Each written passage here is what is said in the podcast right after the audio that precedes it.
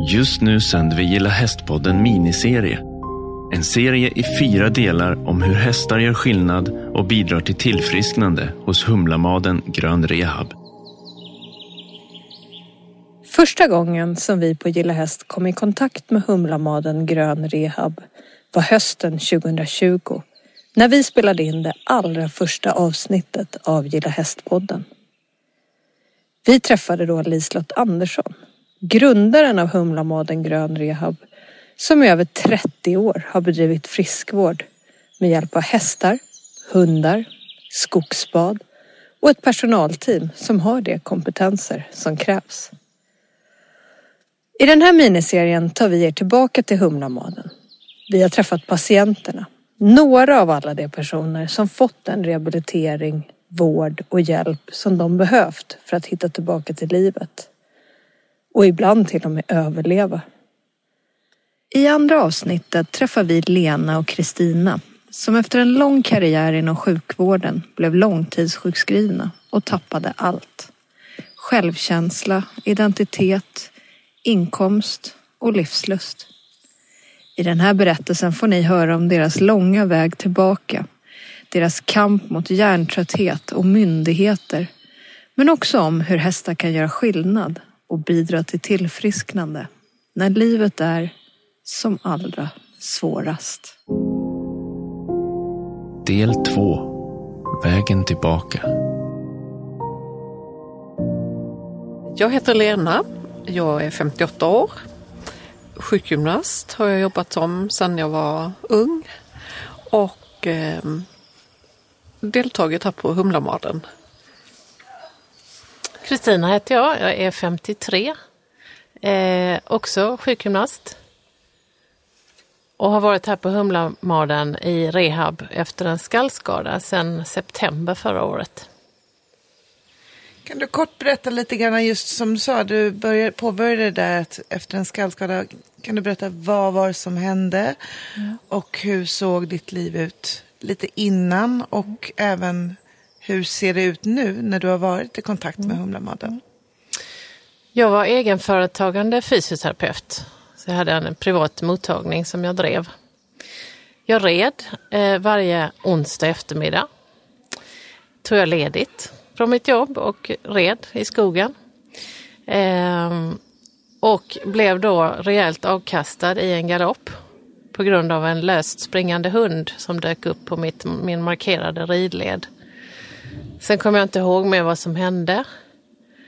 Eh, tyvärr så eh, kom jag inte in med ambulans. Det hade ju varit det bästa. Men jag fick en adrenalinkick och eh, ställde mig upp. Och sen eh, var jag fem månader i stel halskrage efter det. Efter två, eh, ja det kallas för benmärgsödem i kotorna. Morfinbehandlades, gick på smärtrehabilitering. Och jag kände sen att jag ville tillbaks till någon form av häst eh, miljö. Jag var ju skrämd av hästen, jag var ju livrädd för hästen eh, naturligtvis. Men jag ville tillbaks till hästen i någon skyddad form så att säga. Hade hört talas om Humlamaren, hade varit här på studiebesök för säkert tio år sedan när Liselott var igång. Eh, så jag visste att det fanns. Och då hörde jag efter på smärtrehab om jag kunde bli remitterad hit, om inte det hade varit jättebra att rehabilitera mig vidare i naturen med hästarna under kontrollerade former med legitimerad utbildad sjukvårdspersonal. Men det ville man inte, det var alldeles för farligt. Eh, man visste inte riktigt vad Humlamardens koncept innehöll. Man trodde det var ridning, vilket jag påpekade att det ju inte var. Det är ett annat sätt att ta hand om sig tillsammans med en häst. Eh, så jag fick nej på den remissen. Då, eftersom jag är vårdgivare själv, så ordnade jag remiss på en annan väg. Och stod på mig att jag skulle få chansen att komma hit. Och hade sån tur i, mitt i coronan när all annan vård var avstängd. Det har också varit väldigt speciellt. Jag var avstängd från slutenvården i åtta månader. Och där gick jag med en styv halskrage och morfin. Jag kommer hit till slut. Jag fixade en remiss på annat håll. Och där började den stora vändningen för mig. Vad var det, vad var det som gjorde att det vände?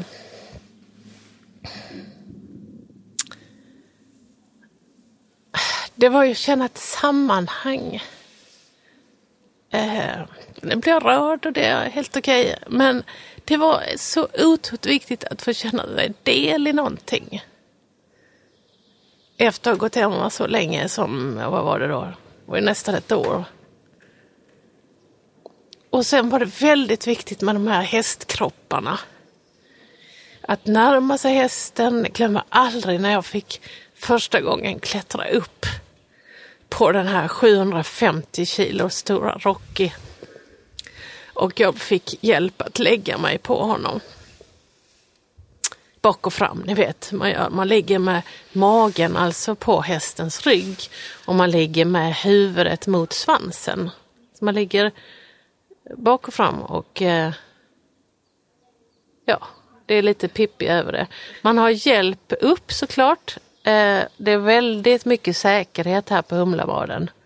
Och det, det, är inte riktigt den vita vården förstår tror jag hur säkert detta är. Det, det är otroligt viktigt. Eh, för mig som hade åkt av i väldigt hög hastighet eh, så var ju detta en jättegrej att sätta foten på pallen efter ett år. Eh, och få lov att lägga sig och få hjälp att landa på den här stora kroppen. Och det var som, ja, det var som någon sorts eh,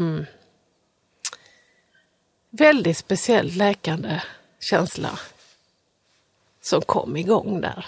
Så att det till och med gör mig rörd fortfarande när jag pratar om det. Det är stort det här. Hur, kan du bara berätta lite, hur mådde du? Du sa att du hade gått hemma själv i princip i fem månader med, med halskrage. Ja, jag, jag fick akupunkturbehandling, jag fick jag hade en period där jag var i behandling på smärtrehab och det var bra. Men sen var jag då avstängd så då fick jag skaffa mig en eh, fysioterapikollega som fick lirka upp min nacke när jag hade fått av den här stora kragen. Så var jag ju alltså helt blockerad, jag var ju helt stel i nacken. Jag hade väldigt svårt att hålla mitt huvud på min hals. Eh, jag var jättesvag, jag hade ingen uthållighet. Jag kunde inte titta ner i en bok. Eh, jag kunde inte handla, jag kunde inte hänga tvätt. Och jag var tvungen att sova två, tre timmar varje dag. Ehm. Ja, livet var, var väldigt tufft där. Men allting blir bättre. Kroppen har en självläkande förmåga. Ut med morfinet tänkte jag. Det här kan man inte hålla på och gå på i fem månader. Kan inte vara rätt. Det fick jag eh, ingen hjälp med att trappa ut utan det trappade jag ut själv, vilket är ganska tufft när man har tagit det så länge. Och sen började vi jobba med min nacke med en mycket duktig privat kollega. Och jag började lirka upp mig och månaderna gick, jag blev bättre och bättre. Men jag var ganska skör, både smärtmässigt och livsmässigt när jag kom hit och all min gamla kapacitet som mycket aktiv hade ju tagit slut. Hur är den känslan? För jag tänker, du var ju alltså, yrkesverksam och hade din egen praktik som jag mm. förstod det. Uh, fullt fungerande och därifrån mm. till den här liksom, isoleringen. Vad gör mm. det med, mm. med måendet? Och självkänslan? Ja, alltså det är väldigt knäckande. Och det har jag trott, jag har förstått patienter som har berättat sina livshistorier vid större fysiska trauman eller psykiska trauman. Och det har jag trott att jag har förstått, men det förstår man inte förrän den dagen det faktiskt eh, drabbar en själv. när man trillar dit så att säga. Man måste gå ner i den där kaninhålan för att riktigt förstå hur det ser ut där. Och det är ju en erfarenhet. Den hoppas jag kunna ta med mig framöver och få någon nytta av. Jag vill ha en silver lining på det här eländet jag har varit i. Jag vill kunna få det att bli någon mening till slut. Och därför känns det ganska kul att kunna faktiskt sitta och prata om det så här hos er. Lena, hur kom det sig att du kom hit på Humlamaden? Vad, vad var den utlösande faktorn för dig? Jag drabbades av utmattning och eh, gick rätt så länge med det. Jag fick lite psykoterapi och jag gick hos en läkare. Jag har också jobbat privat i 30 år. Så jag hade ju, det är lite speciellt det där när man inte har någon anställning. Utan man har ingen som hjälper en eller tar hand om en. Så, ehm, men jag hade då genom en försäkring jag hade så kom jag till en läkare. Ehm, ja, Eh, så... Men hur märkte, du att, hur märkte du att du var utmattad? Är du med? För jag är också egenföretagare och man ja. är ju van att bara ja. köra på. Ah, jag är lite trött idag men du vet ja. liksom. Men hur märkte du? Vad var det liksom? När satte du själv ner foten och bara nej men nu, nu måste jag ta hjälp? Ja. Jag hade mycket problem med, med hjärtat. Med extra slag eller att det slår ojämnt och sådär. Och jag hade gått med övervaknings-EKG ett par gånger och, och gick hos distriktsläkaren men liksom ingen riktigt som tog tag i det. Så ja, man vilar lite och sen så kör man igång igen och man känner sig pigg. Och, alltså, och det känns som man kommer längre och längre ner och man tänker sig att är man pigg och frisk så sitter man, om man tänker en sån här strut, om du är pigg och frisk sitter du ute på kanten och då har du, ser du alla möjligheter. Men är du dålig så är du längst ner i, i struten och ser ingenting. Så du har ju inte förmågan liksom, att ta tag i det själv. Du, alltså, det känns som man kan inte stoppa man kan inte stoppa själv för man är, alltså har man jobbat länge, man är så inne i det att man måste sköta sitt jobb, man måste ta hand om patienterna och det är liksom så viktigt så att man under så många år har man kommit i sista hand själv. Ja, verkligen. Och speciellt i båda era yrkestitlar så är det just att, ja. att ni tar hand om andra och ser till att de ska må bra och få hjälp med det. Men att, att det är inte så lätt alltid att titta på sig själv från nej. ett utifrån perspektiv och verkligen erkänna att nej, men nu behöver jag hjälp. Ja, ja. Precis. Så hur kom du hit? Hur kom du i kontakt med Humlamaden? Mm. Det var läkaren som remitterade mig. Då hade jag gått ett år och jag fick hjälp med psykoterapi men det, var, det blev inte riktigt bra. Alltså, för det var ju när jag gjorde saker så fick jag mer besvär och då sa hon att då har du gjort för mycket. Vilket eh, innebar att jag till slut gjorde jag ingenting för jag fixade ingenting utan att få jättemycket besvär. Men så fick jag en remiss hit och um, det var då det började vända. Alltså att komma hit till djuren och naturen och alltså Liselott och personalen här på, på Humlamaden som är så fantastisk. Både med kunskap och erfarenhet och ja, visar både djuren och naturen och oss deltagare väldigt stor respekt.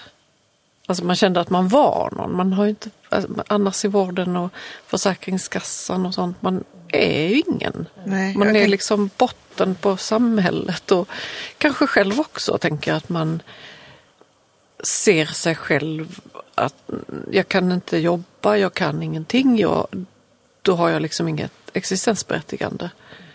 Nej, jag, era två historier är ju ganska skilda åt liksom vad och hur. Och, och precis som du skriver, att man känner sig nästan som en paria, om jag får uttrycka det lite starkt. Mm. Att liksom, här är jag och belastar samhället med någonting som jag inte ens vet vad det är eller hur kommer jag komma vidare med det också och, och så känner jag samtidigt så här, varför ser det så olika ut? Att du råkade just hitta någon som kunde remittera dig ganska per omgående, om man nu får säga det, under ett år. Medan du fick, ja men här har du lite mer morfin, tjolahopp, kör på liksom, vi ser om det lossnar. Varför ser det så olika ut? Jag tror att den, om vi ska skilja på den vita vården, den etablerade vita vården, mot detta som vi då kan kalla den gröna vården, där hästunderstödda insatser ingår. Jag tror man har väldigt olika synsätt på hälsobegreppet till att börja med. Vad är hälsa? Eh, här arbetar vi bara med friskfaktorer.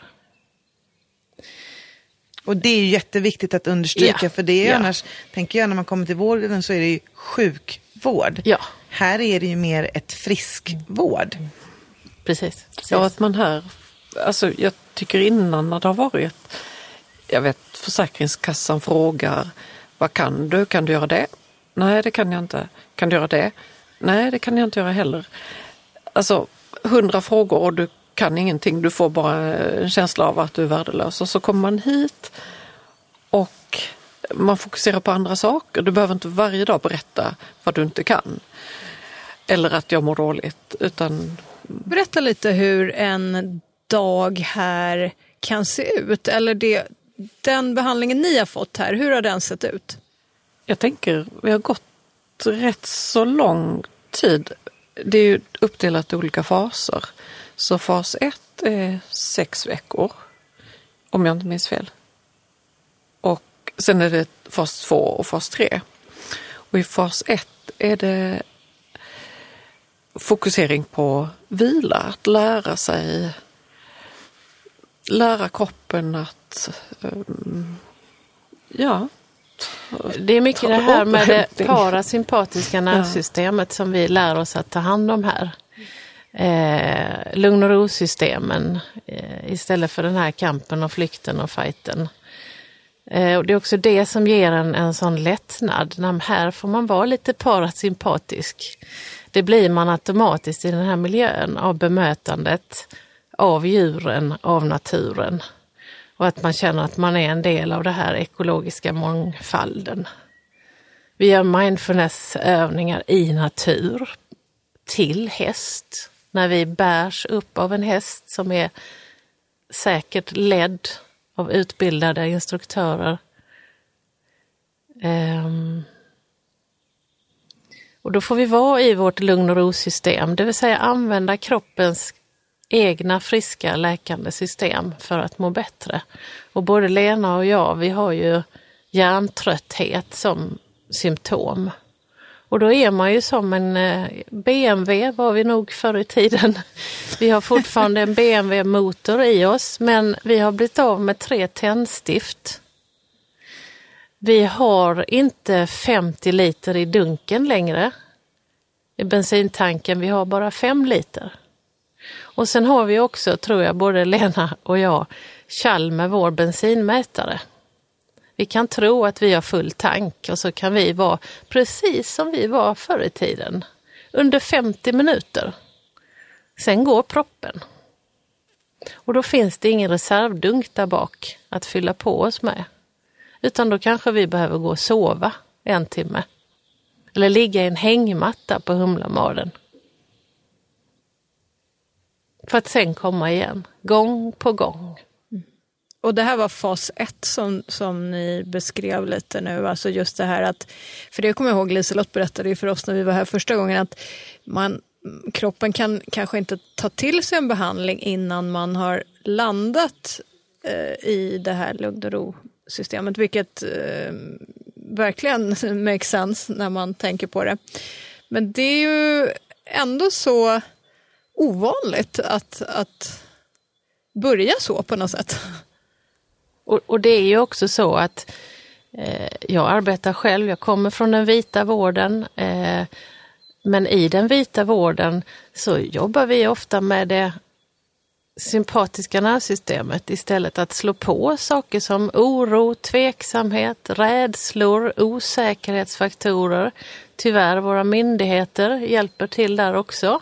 På vilket För- sätt? Försäkringskassan som jagar, stressar, ifrågasätter, eh, kräver saker av oss som vi faktiskt inte klarar av. Så att den vita vården och vårt försäkringssystem tycker jag triggar vårt nervsystem. Medan starten till läkning är att faktiskt få lov att landa. Eh, eftersom kroppen har varit med om så mycket stresspåslag, antingen av en utmattning eller av ett kraftigt slag mot huvudet. Vi är omtumlade, våra hjärnor har gått sönder lite grann.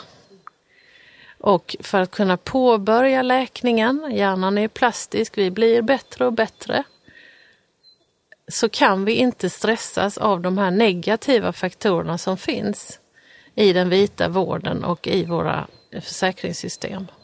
Jag tycker du beskriver jättebra, för det är precis det där mm. man ser. Att varför det tar så lång tid för andra att komma tillbaks. Om man kan komma tillbaks. Det är inte alltid så heller. För att du har under den här långa, långa perioden tvingats ta ansvar över, som du säger, pappersexercis, ansvar, ifrågaställande. Och jag menar även där, det finns ju bra och, och sämre dagar. att jag menar, Idag orkar jag, men imorgon orkar jag ingenting. Som du sa, fylla på den här bensindunken. Jag tänker ändå någonstans att vi har ju ändå kommit en bra bit på väg med de gröna näringarna. Där vi faktiskt ser värdet av eh, men komma tillbaka lite grann till jordbrukssamhället om vi nu ska ja, slarvigt nämna det så.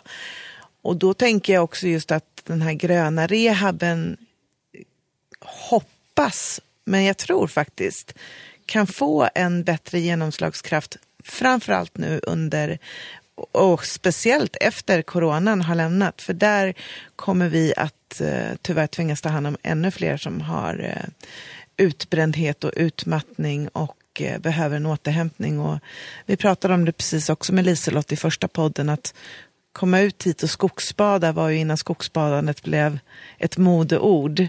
Så jag hoppas att, att även här att vi kan genom de här samtalen faktiskt visa vilka goda effekter eh, allt det här har. Och också visa att Sverige ligger efter internationellt sett. Det mm. finns mycket forskning.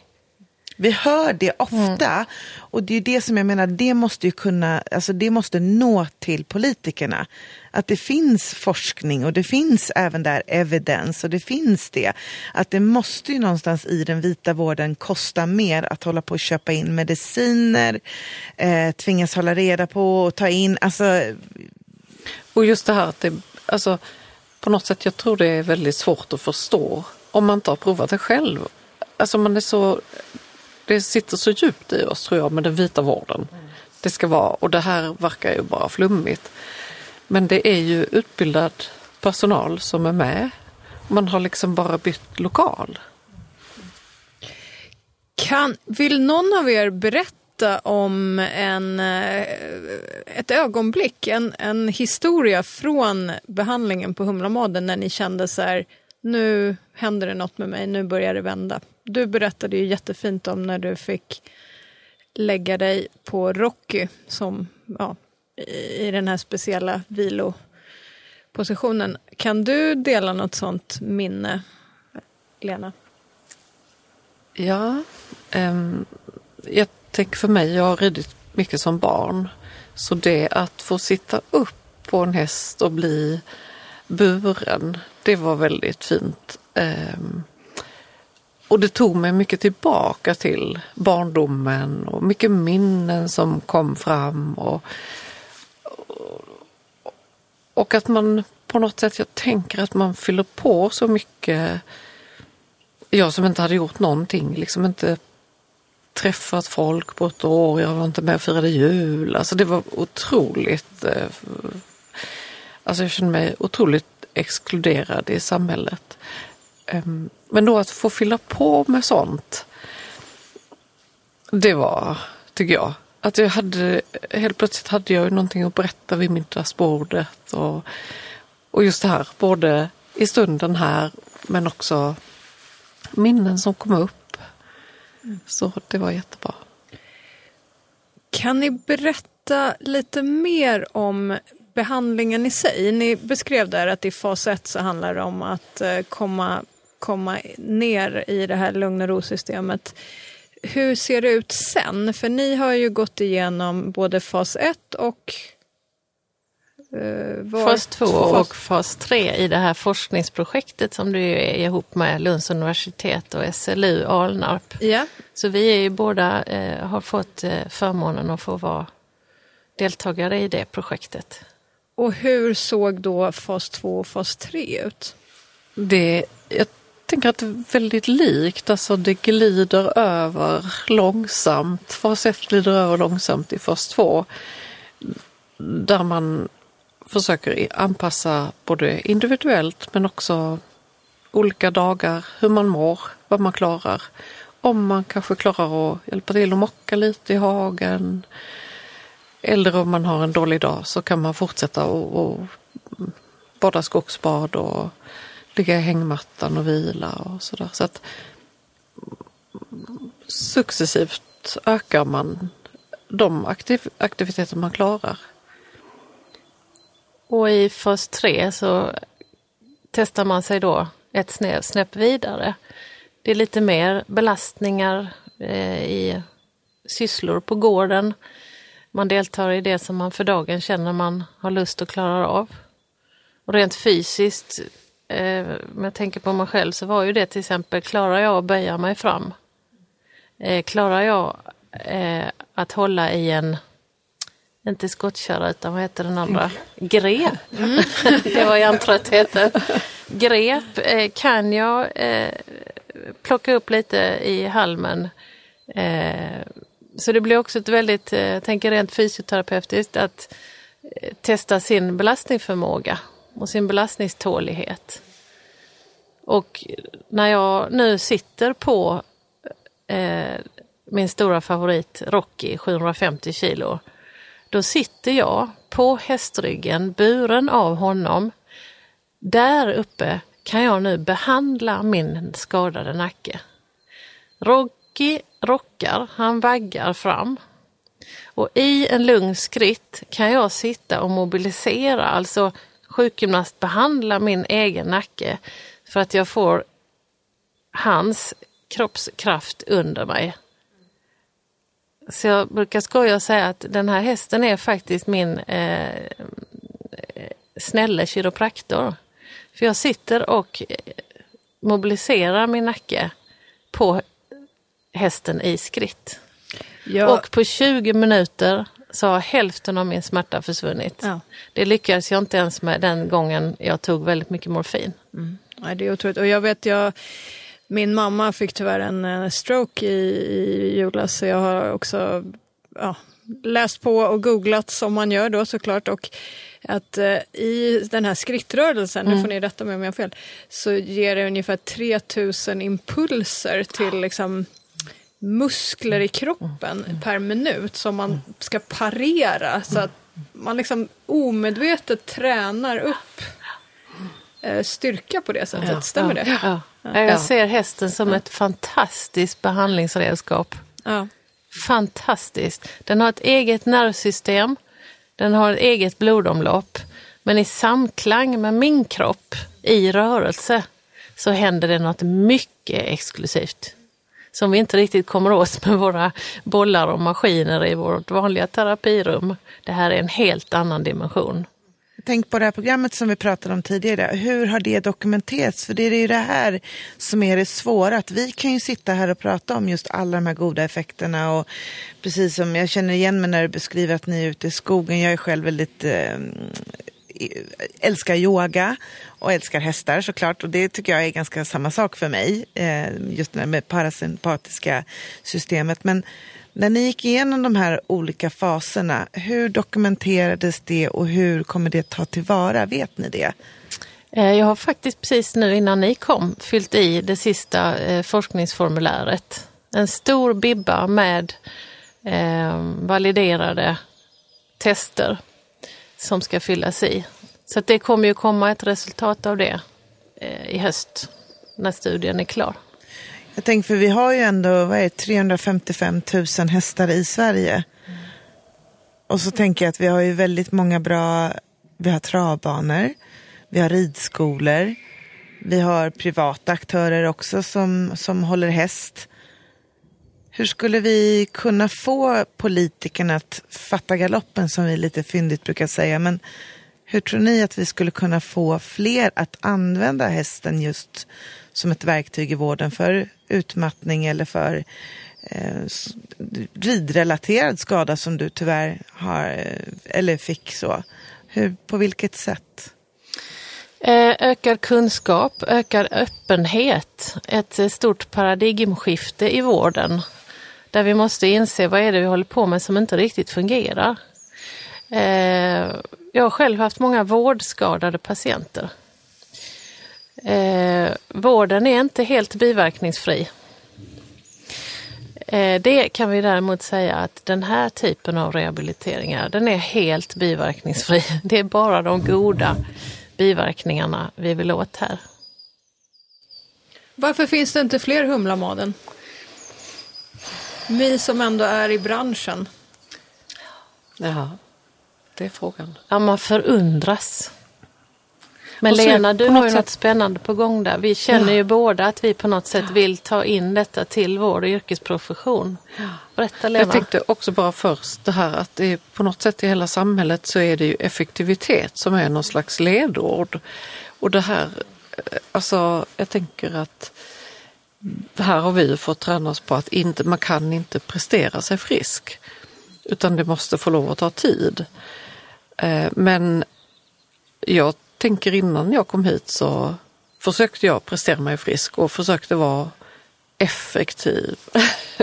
så som, som det är så mycket i samhället. Att vi, vi ska ha patienter, vi har bara 20 minuter per patient och så. Och då kommer man hit och tittar på detta så tänker man detta är ju inte effektivt. det är ju ingen stress här. Nej, nej. så, men jag har ju tänkt att jag vill jobba med det här och har, skulle vilja gå den här utbildningen, mm. hästunderstödda insatser mm. på Strömsholm.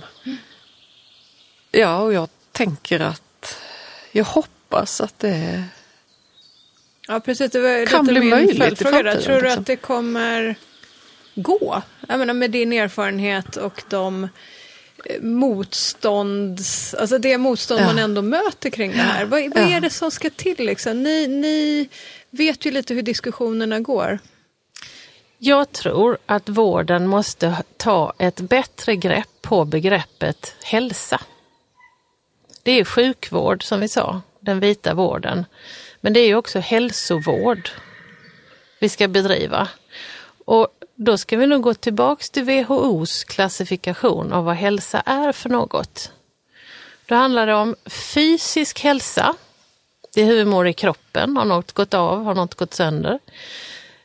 Men den psykiska hälsan ökar ju brant i vårt samhälle och kommer bli ännu brantare efter pandemin. Men WHO tar upp två andra aspekter också och det är den sociala hälsan och den existentiella hälsan.